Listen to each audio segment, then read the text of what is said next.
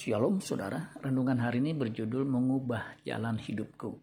Matius 2 ayat 12. Dan karena diperingatkan dalam mimpi supaya jangan kembali kepada Herodes, maka pulanglah mereka ke negerinya melalui jalan lain.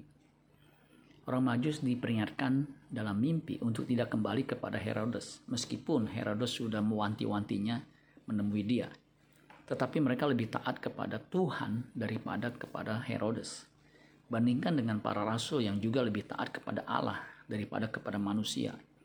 Kisah para rasul 5 ayat 29. Tetapi Petrus dan rasul-rasul itu menjawab katanya, kita harus lebih taat kepada Allah daripada kepada manusia.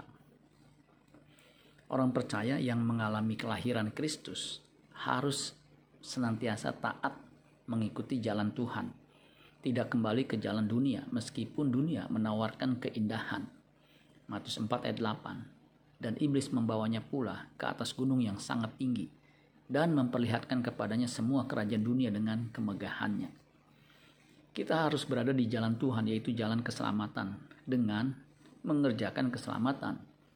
Filipi 2 ayat 12 dan 13. Hai saudara-saudaraku yang kekasih, kamu senantiasa taat karena itu, tetaplah kerjakan keselamatanmu dengan takut dan gentar.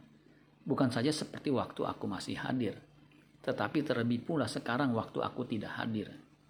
Karena Allah lah yang mengerjakan di dalam kamu, baik kemauan maupun pekerjaan menurut kerelaannya.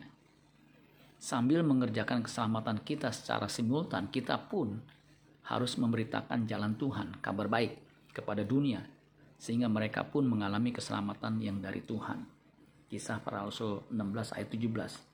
Ia mengikuti Paulus dan kami dari belakang sambil bersuruh katanya, Orang-orang ini adalah hamba Allah yang maha tinggi. Mereka memberitakan kepadamu jalan keselamatan. Amin buat firman Tuhan. Tuhan Yesus memberkati. Sola Gracia.